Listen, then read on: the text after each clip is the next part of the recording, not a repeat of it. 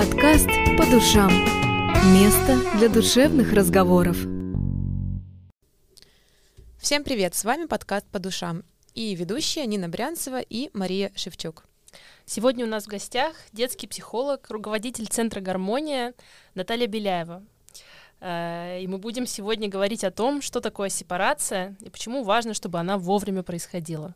Да, мне кажется, такая больная тема для многих, возможно.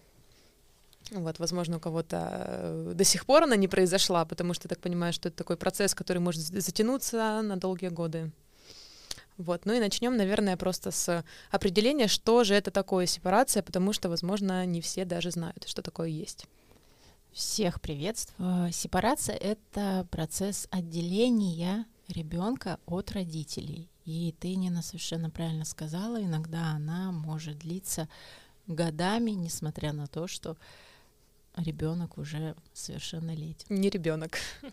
Слушай, а вот в каком возрасте идеально, чтобы она происходила? Вот если мы представим такой случай, когда это произошло, прям вот тик в тик, это во сколько? Тик в тик? Да. Как ты мило сказала. Тик в тик. Я первый раз про сепарацию так слышу.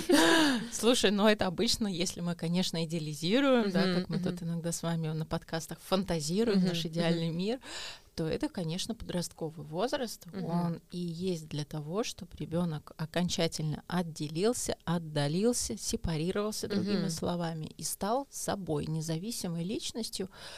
Конечно, это может, ну, не так подростковый возраст, да, может длиться долго, угу. быть разным, но в целом, например, э, ребенок 19 лет, он часто еще школьник, угу. но при этом он уже может несколько по-другому себя ощущать, нежели чем его брат или сестра там в те же 12 лет. Mm. Ну, психологически, угу. да, вот когда его уже на него не смотрят как на малыша, да, мы для своих родителей навсегда остаемся родителями, но при грамотной безопасной, экологичной, я бы даже сказала, сепарации получается такой э, выход из родительского, психологического, потому что кто-то mm-hmm. еще, как я уже сказала, может жить с родителями, да, mm-hmm. психологического дома, где мама и папа это просто люди угу. без каких-то зависимых и тому подобное. Слушай, то есть, получается, можно жить дома, но быть сепарированным, потому что у нас, как правило, если мы говорим про сепарацию и про ее отсутствие, возникает образ какого-то вот 30-летнего мужика, который живет с мамой, это значит, что он не сепарирован. В целом... Ну, по-честному угу. говоря, сепарация подразумевает отделение по всем пластам. Угу. Но опять же, если мы говорим, как ты сказала, про 30-летнего мужчину, и, ну, он у него нет работы, у него нет семьи, он лежит на диване. Кажется, что здесь что-то произошло, ну, да, что не, так. не так. А когда, например, это какая-то временная, угу. вынужденная мера, и при этом он несет ответственность за тот же быт, вот то угу. тогда, конечно, нет. А так, как в классических фильмах показывают, да, да, да, остался с мамой, и, в принципе, да, это вот классический пример несепарированного человека. А вот сказали по всем пластам сепарация. Можете немножко объяснить поподробнее, что вы имеете в виду? Ну, я имею в виду не только здесь больше психологический фактор, а как раз-таки и уход из дома, и выстраивание своей семьи, построение семьи, карьеры, всех вот этих моментов, не только психологически. Что зрелая личность, сепарированная, так сказать, от родителей, она вот, ну вот прям зрела во всех аспектах. Она mm-hmm. психически здорова. Это не значит, что она не там не расстраивается, не грустит, она взрослая, она понимает, ну, личность, да, она понимает, хозяин личности понимает, что, что, что нужно делать, куда двигаться. Если не знает, что делать, то он ищет помощь. Он такой взрослый, живущий по своим правилам, взявший с детства все, что все, что его, может быть, усиливает, принявший все, что было, как, возможно, ему кажется, не окей, и не зависит от мнения родителей. Это еще про ответственность, я правильно понимаю, да? Когда да, ты берешь за свои действия. Да, взрослость подразумевает брать ответственность, а вы наверняка в коллективе, может быть, вашем встречали, либо mm-hmm. где-то с э, знакомыми. Очень сложно у многих со взрослостью. Mm-hmm. А вот все время мы ждем, что нам кто-то что-то даст, что-то как-то. У родителей иногда такое перекладывание ответственности в консультировании может звучать, что вот ребенок меня выводит из себя, я не могу. Mm-hmm я говорю, ну, точно не так, ребенок точно ничего сам не может сделать, это с чем-то не справляетесь вы. Ну и когда родители это понимают, то тогда это можно, что-то с этим можно сделать, а не ждать, что кто-то mm-hmm. сделает.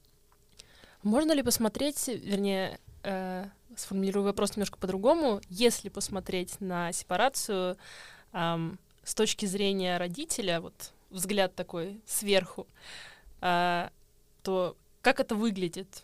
То есть, э, например, история про стакан воды в старости. Вот я тебя рожала, чтобы ты ко мне там, чтобы ты обо мне в старости заботился. Это тоже про сепарацию? Или где вот проходит... Сепарация это... родителя больше от ребенка, мне кажется. Ну, как, вот как ты сказала, да, я тебя рожала, чтобы ты мне помогал в старости. Бедные эти дети, которых рожают для того, чтобы... Угу. Как мне кажется, здоровая, зрелая личность рожает ребенка. Ну вот какие мотивы могут быть, как вы, кстати, думаете? Ну, слушай, хороший вопрос. Ну, явно не, не для того, чтобы он потом на тебя работал и что-то делал. Ну, просто да. потому что хочется, наверное, как-то поделиться своим внутренним миром, может быть. Да. Я читала, что, что это про связано с э, там с отношением конечно, как бы конечность жизни, и вот ну, после вот меня вот что-то остается, да. Да, да. Но... да, но вот на самом деле то вы о чем говорите, это очень такая здоровая мотивация передать жизнь, подарить ее, как-то, ну, такое чудо, да, даровать этому миру, а все, что рожала для себя, рожала, чтобы удержать мужа, О. рожала, чтобы остаться там, не знаю, в карьере, ну mm-hmm. или какие-то там, не знаю, такие вещи, то это все изначально уже чревато огромным количеством последствий и как для матери, и как для ребенка, потому что сепарация это когда мама отпускает от себя, угу. и ребенок дальше двигается. Это такой взаимный процесс, где родитель не мешает ребенку, при этом проживает свои трудные чувства, угу. потому что там и тревога, и ощущение ненужности в какой-то mm-hmm. момент, особенно в подростковые, это очень ярко мама ощущают. И тогда она должна уже научиться жить свою жизнь, mm-hmm. не ждать, что вот мой сынок или доченька в старости мне принесут. Иначе на это обречены все. И такое тотальное несчастье, как мне кажется, mm-hmm. будет. Вот мы говорим про маму. Э, я тоже mm-hmm. на мою любимую тему. А что с папой? Если действительно такое, что там, например, между мамой и ребенком какая-то более крепкая связь, или это больше как миф, и зависит все от э, конкретной семьи и их устройства? Но в целом, если посмотреть даже физиологический аспект э, семьи, женщина вынашивает ребенка, и она становится матерью на 9 месяцев раньше, чем папа. У мамы и у папы разная любовь. У мамы любовь без условий, безусловно. У папы как бы это грубо не прозвучало, с некими условиями. Но вот очень часто мужчины с облегчением хихикают на консультациях, когда я говорю, ну вот вспомните, когда вот малыш пришел, вы пришли с малышом с роддома. Мама умиляется, папа чаще всего вообще не понимает. Да, он его любит как-то по-своему, но как расцветает отец, когда ребенок начинает ползать, какие-то совершать mm-hmm. подвиги. Это не значит, что папа не любит, просто любовь разная. Любовь разная, и если ответить на твой вопрос про связь сильней, да, я думаю, что связь разная. Но вот в моем опыте психологом детским я почти 16 лет работаю, и такой богатый опыт именно в часовой работе, в практической, то у мам чаще сложности. Ну, даже давайте посмотрим, если недалеко в психологию, ну, вот фильмы, да, угу. с мамами чаще всего остаются, ну, сыновья, и редко показывают какого-то очень инфантильного отца. Ну, хотя есть такие ну, фильмы, ну, бывает, да. классические, угу. просто разные связи. Ну, и папа он все-таки менее тревожен, чем мама, хотя тоже встречаются разные отцы, и ему где-то легче в каких-то моментах, а где-то ему сложнее. Вот папе, например, а, слож... отцам сложно, когда их дочка взрослеет, эту дочь, да, единственную, mm-hmm. там, либо не единственную, но люб...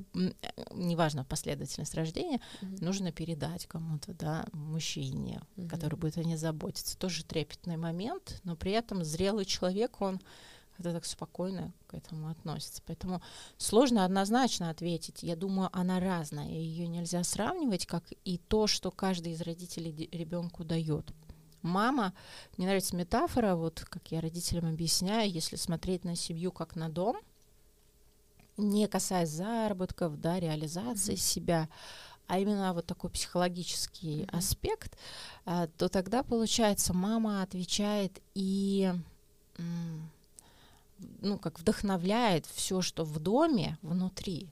Ну, атмосфера, психологический комфорт, ощущение себя любимым ребенком, там, чувство эмпатии, сопереживания другим. А папа, его функция, это все, что за территорией дома. Это социум, это будущая реализация заработок, э, социальные контакты, друзья. Это все делает отец. И, кстати, вы знаете, многие мамы, наверное, сейчас, особенно у кого очень маленькие детки, с облегчением вздохнут. Вы помните те смешные картинки, когда маленького ребенка подбрасывает папа, как это видит мама и как это видит бабушка. На самом деле, даже в играх в младенчестве отец сепарирует ребенка от матери в этих таких вот я ярких, экспрессивных, активных играх. Mm-hmm. Слушай, ну у меня вопрос такой. Э, давайте посмотрим теперь опять с точки зрения ребенка на процесс сепарации. Что делать, если ты чувствуешь, что да, пора сепарироваться, какие-то такие есть э, желания у ребенка, но родитель к этому не готов. Ну, допустим, мама э, гиперопекает, возможно, у нее тревожность, вот она не готова отпускать, может быть, она не знает, что делать со своей жизнью. Вот просто она рожала для себя, действительно, вот как мы сейчас говорили, как не надо делать. Вот. А что делать ребенку в таком случае? Ну, на самом деле, вот как ты сказала, может быть, чуть-чуть поправлю, нет uh-huh. такого, что ребенок осознает, что uh-huh. он сепарируется, готов, uh-huh. да, uh-huh. это зреет психика ребенка. Uh-huh. И, ну, самый первый этап сепарации физиологически это пуповину отрезают. Uh-huh. Потом ближе к двум трем годам появляется место пения я у ребенка, mm-hmm. ну, иногда пораньше, по, ну, вот при, предел такой, и это вторая история mm-hmm. сепарации. И, в принципе, ну, вот это как, мне нравится м- пример такой, вот обувь, да, мы же не носим, если у нас там 39-й, 36-й. Угу. Но это вообще невозможно, да. даже если очень постараться. И задача родителя очень э, внимательно наблюдать что сейчас необходимо ребенку, и при этом помогать себе. А что же делает ребенок, когда родитель ну, не готов угу. или он в тревоге, а, ребенок противостоит этому как может. Иногда через агрессию, иногда через угу. очень жесткие протесты, иногда через депрессию. Угу. Иногда через появление каких-то психосоматических вещей, иногда за, ну вот прям такой вот крик, крик души, да, вот была девочка такая, есть синдром хорошей девочки или хорошего мальчика, вот послушная, послушная, и просто со дня как вот как с цепи сорвалась. Да, что-то это, ну, нужно смотреть. Это, мне кажется, подростковый возраст, он самый сложный. Вообще никогда в жизни так сложно не будет.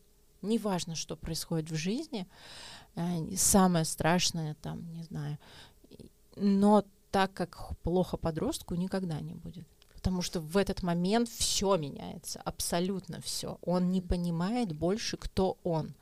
И здесь очень важно, если говорить вот про подростковый кризис, помочь ребенку в этом вариться и при этом маме и папе удовлетворять свои потребности родительские, от, отступая, при этом оставаясь рядом, если нужно. А чаще всего в подростковом возрасте – родители активируются, потому что до этого не научились опираться на себя, угу. очень опекали. А в подросткового подростка вообще в принципе нельзя опекать. Mm. А, опекать это что имеется в виду, просто чтобы понимать, где опять же грань? Опекать это когда я лучше знаю тебя, не ходи туда, не надо, ну зачем ты выдумала это, ну перестань. Ну так вот пример, когда вот мы заказываем какие-то покупки, да, там не знаю, с разных сайтов, и приходит э, что-то такое м- бьющееся в салофановом пакете с пупырышками. Вот ага. гиперопекание это вот обмотал ребенка этим. Говоришь, ну давай, старайся быстрее, повыше запрыгивай. Ну и ребенок, он, ну, присоединен полностью, либо представить, вот как изначально физиологический процесс пуповины, но представьте, пуповину перерезали, но при этом осталась какая-то ниточка. И ребенок вот только хочет шажок вперед сделать, чтобы посмотреть, какой этот мир, какой он интересный, неинтересный, mm-hmm. и родители его резко дергают, либо очень далеко отпускает, и ребенку тоже там слишком страшно. Mm-hmm. Mm-hmm. Слушай, это интересный такой этот метафора прямо, мне кажется, такая показательная. Мне вот стало тоже mm-hmm. на самом деле любопытно про подростковый возраст. Э, тоже слышала, читала, что это вот самый такой тяжелый момент. А если какая-то цифра, вот опять же, там 25 лет, все, я больше да, не подросток. Угу, да, чтобы что... можно было хотя бы ска- сказать себе в какой-то момент, все, так, так, плохо, как в прошлом году, мне уже не будет, потому что я уже не подросток. Да, потому что мне кажется, что сейчас в последнее время немножко сдвинулись вот эти рамки. Раньше, я так понимаю, что поколение наших родителей считалось, что э, teens — это вот до 20 лет, и все, дальше уже взрослый человек. Сейчас я так понимаю, что все-таки, наверное, нет. Ну, сейчас, во-первых, действительно издвинулось очень mm-hmm. много, и даже школьное обучение, а школьный процесс обучения 12 лет тоже свою лепту в этом внес. И вы знаете, не могу ответить вот однозначно, когда станет легче, но 25 точно не должно быть так плохо, как uh-huh. в 16, да? Uh-huh. Почему? Потому что даже чисто вот такие вот физиологические изменения у девушки э, и у парня, они в принципе более-менее уже закончились. Там формируются лобные доли приблизительно окончательно, там ну, опять же, не хочется ограничиваться каким-то конкретным, каким-то конкретным uh-huh. возрастом, потому uh-huh. что у всех очень индивидуально, и каждый подростковый возраст проходит в своей атмосфере, со своими историями. Но в целом а, такое вот сложное а, время, когда совсем тяжело, когда вот опоры как-то пропали в жизни – я думаю, именно как, когда мы говорим про ребенка-подросток, да, то это, наверное, ну вот начиная с 13 до 16, до 17, вот такие угу. самые, самые тяжелые время. Даже вот по клиентам, по подросткам вижу, когда, ну вот 13, ну вот что-то просто вот вырывается из них, и там уже чаще всего и физиологические изменения в теле, а с физиологическими, значит, и гормональные, а с остальными, значит, и кости, и мышцы, и все одновременно, вот просто все одновременно. Я по себе вспоминаю, вот в этих рамках и было очень плохо. Что дальше потом всегда есть сложности, а выбора профессии, карьеры, но когда вот эта база, фундамент внутренний, он стал очень таким сильным, прочным, то в целом потом достаточно легче. Слушай, а бывает же такое, что в целом возраст этот нормально проходит. Ну вот человек жил-жил, в целом ничего такого не происходило, он не, не убегал из дома, там, не знаю, не делал тайно татуировки, еще что-то такое, все было хорошо. Это значит, что в дальнейшем где-то это аукнется и когда-то что-то произойдет, или просто повезло? Слушай, я иногда размышляю uh-huh. на этот вопрос, но зная законы психики, uh-huh. все очень серьезно у нас, Катя, нам иногда кажется, что все просто. Я бы предположила все-таки нехорошо, когда все в подростковом возрасте гладко. Mm-hmm. Но вот просто представим, болит голова Представили? Угу. Ну вот и с вами разговаривают, как вам не хотелось бы. Ну, как-то вы хотите помолчать, а с вами говорят. Ну вот как вам будет? Вот вы обе сморщились. Ну вот, понимаете, подростковый возраст, он уже предполагает изменения, если мы даже не берем психологическое, то там физиологическое и все остальное. Ну, поэтому очень часто, когда подростковый возраст прошел ровно, то потом все равно где-то что-то будет. Или, например, что-то вылезет. Да, посмотрите на инфантильных женщин, которые вот идешь на улицу, думаешь, какая красивая, молоденькая, а она поворачивается, а ей лет 70, и у нее мини-юбка, такое все очень броское, очень все непонятное, при этом, ну, есть женщины, которым это очень идет, и все так, знаете, в ну тему, а есть, вы наверняка замечали, когда, ну, вот прям что произошло? Ну, какой-то диссонанс. Mm-hmm. Вот зрелость, да, я не говорю, что в зрелость не нужно надевать какие-то короткие вещи, просто оно как-то, ну, смотрится как-то глупо. Это чаще всего про непрожитое что-то. про вот такое вот бунтарство, которое обычно... Mm. Но применение разных стилей, поиск себя, своего такого, это больше все про подростковый возраст. Опять же, я не говорю про творческих, креативных людей, но с ними таких чувств не возникает. Смотришь, думаешь, бог ты мой, как ему это все идет, и зеленые волосы, и оранжевые ботинки. Кайфуешь рядом с таким человеком. Поэтому все-таки подростковый возраст, он предполагает изменения. Не обязательно, чтобы они были с уходом из дома, но с шероховатостью точно. Почему? Потому что любовь это всегда про присоединение, близость, да, единение, а отделение всегда связано с неким таким агрессивным фактором просто для того, чтобы он стал собой, ребенок стал mm-hmm. собой. То есть сепарация это всегда в какой-то мере про дискомфорт. Да. Про такие mm-hmm. трения, скандалы, может Я быть. больше скажу родителям, особенно вот если сейчас нас будут, нас слушают родители подростков, а, опасно, когда в подростковом возрасте ребенок такой покладистый и молчун. Угу. Нужно посмотреть, нет ли там депрессии, подавленных состояний, апатии и там всему остальное, потому что а, есть а, психологи, которые считают, и я с ним абсолютно согласна, подре- подростковая вот эта агрессия, бунт, он нужен для того, чтобы не впасть в депрессию. И когда он есть, значит, ну все, все идет своим чередом. Значит, ребенок взрослеет. Но даже, опять же, если взять не подростковую, вот завершающую стадию отдаления, отделения от родителей, а процесс родов. Ну, мягко говоря, там никому не комфортно. Но при этом можно очень облегчить процесс рождения как и для матери, как и для папы, когда он понимает, где он может находиться, где нет, где его силы заканчиваются, ну, имею в виду, насильно не идет э, процесс родов наблюдать, да, когда он не может и не хочет. И также для ребенка. Но всегда оно соприкосно, ну, всегда оно идет через какое-то трение, которое можно учитывать, что-то с этим делать, чтобы это было бережнее ко всем, что. Mm-hmm. Mm-hmm. То есть, наверное, нужно просто понимать, что это нормально, и, возможно, это даже как-то поможет справиться. Да, да, я для mm-hmm. этого и говорю, что вот когда ребенок там бурчит, хлопнул дверью, mm-hmm. важно не брать это на свой счет. Mm-hmm. Скорее всего, это вот как раз-таки возрастные изменения, потому что делались исследования, у них в этот момент, ну вот представляете, вот аффект. Mm-hmm. Вот они, подростки, ощущают аффект за день по несколько раз. Ну и теперь, ну вот как их за это можно ругать? Можно, наоборот, понять, что ему плохо, и при этом держать границы, говоря, слушай, ну вот здесь немного ты перегнул. Они и сами-то от этого страдают. Но аффект, он под, под, ну, подразумевает под собой не контроль. Угу. Не от того, что глупый, не от того, что невоспитанный, не от того, что там какой-то еще, а от того, что плохо мне. Угу.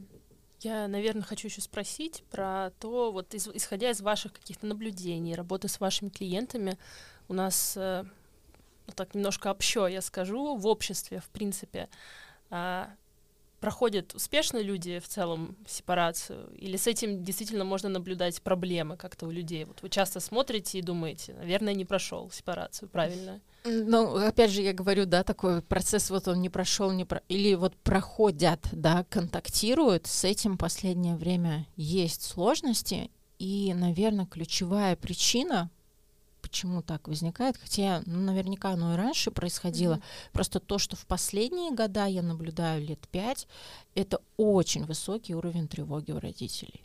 Mm-hmm. А когда очень высокий уровень тревоги, значит, будет высокий уровень контроля, может быть там и вина, отчаяние, и все для любого возраста уже не очень mm-hmm. будет складываться. Слушай, а есть э, возраст, в котором уже поздно проходить сепарацию? Ну, то есть ты вот в 30 лет осознаешь, что что-то когда-то там ты не прошел, и в этот момент что нужно делать? Съезжать срочно от родителей или как себя вести? Слушай, поздно. Я знаю многие психологи, которые работают mm-hmm. с, со взрослыми, да, я больше в детско-родительских отношениях, mm-hmm. а мне коллеги говорят, что вот в 70 лет уже в терапию не берут. Mm-hmm. Ну вот обычно, видимо, поздно уже в этом ага. возрасте. А, но при этом я склоняюсь к тому, что нету момента, когда можно начать жить, как ты хочешь. У меня а, одно время был курс для мам, и мы проходили тему а, взаимодействия с близкими. Это всегда сколько я, четыре, по-моему, или пять потоков этого курса было у меня. Четвертая неделя, границы, общение со сверх... Э, с близкими, да, всегда самая болезненная тема была, всегда самая болезненная история про маму, э, как перестать от нее зависеть. И здесь вот такая, да, прелесть в том, что можно в любом возрасте стать взрослым, даже несмотря на 18 плюс, если оно уже присутствует mm-hmm. в этом. А что делать, если вот ты, допустим, проходишь этот процесс сепарации, у тебя есть, знаете, такое чувство э, вины, наверное. Ты понимаешь, что ты делаешь маме или папе больно тем, что ты отдаляешься. Может быть, родитель, как мы уже говорили, не готов. У тебя появляется чувство вины какое-то, что ты что-то не то делаешь. С этим в терапию сразу идти или можно как-то там себе убедить себя, что все хорошо? А когда, если мы говорим про сепарацию mm-hmm. взрослого человека, mm-hmm. ну или подростка? Слушай, хороший вопрос. Наверное, наверное, и то, и то. Хорошо, давай тогда про взрослого отвечу, потом давай. про подростка. Когда взрослый, ну вот как ты сказала, там 30 лет, осознал, что он не сепарирован, а не отделился, у него не будет чувства вины, когда он пойдет в свою терапию. Напротив, терапия помогает стать взрослым. Угу. Чувство вины не врожденное чувство, оно приобретенное в контакте с родителем угу. или с каким-то очень авторитетным или авторитарным взрослым, который слишком сильно завиноватил ребенка. Угу. Сопротивляются ли мамы или папы, когда их дочь или сын взрослый идет mm в терапию? Конечно. Нравится mm ли им это? Нет. Что можно говорить родителям? Ну, своим, да? Говорить им нужно приблизительно так. Мама, ты взрослая, ты точно с этим справишься. Мне в старости еще брать с тебя пример. И тогда вот э, задача той мамы уже что-то с этим сделать, либо если не сделать, то при... ну, сепарация подразумевает я большой, ты большой, это твоя ответственность, это моя ответственность, я могу тебе посопереживать и живу свою жизнь по моим правилам. Угу. А когда человек не сепарирован, он в целом не может не позвонить маме. Как это так? А я не могу ей сказать, что не лезь, пожалуйста, в воспитание моих детей. Она для меня так много сделала. Говорю, ну будьте ей благодарны, но зачем же гробить свою жизнь сейчас и ваших детей? Поэтому чувство вины как раз-таки возникает, когда нету отделения. Оно, повторяю, да, навязанное в детстве. А когда подросток, например, или, ну, если все-таки, да, про подростков, потом еще можно про детей помладше сказать, подросток, конечно, он испытывает чувство вины, особенно если ему говорят, какая ты неблагодарная, ну, вот, я вот, для да. тебя так много делаю, ты посмотри, тебе все только надо, надо, надо, подросток говорит, а мне ничего не надо, я ничего не прошу на консультациях родителям тоже могу сказать, а он реально объективно столько хочет? Нет, мне нравится ему так давать. Я говорю, так значит, что к нему тогда пристали? Ну, да. Это больше что-то про вас, про ваши вещи. Конечно, тогда у подростка может появиться чувство вины, да, когда ему такие вот счет, да, за жизнь предоставляют. Мне нравится говорить родителям, прежде чем что-то говорить ребенку, особенно давать ему, спросите, для чего? Какая цель? И чаще всего, если мы говорим про вот такой тип отношений, как сейчас, то это тревога, себе бы хотела додать, но легче же про другого. Как-то себе непривычно, но опять mm-hmm. же, да, нету такой сепарированности, возможно, зрелости внутренней. Ну и маленькие дети, они тоже испытывают много чувств вины, когда их виноватят, но там не так остра сепарация, там в целом родитель для него очень важен, он такой mm-hmm. папа, мама, две такие очень важные и значимые фигуры в жизни, и дети очень много берут на себя.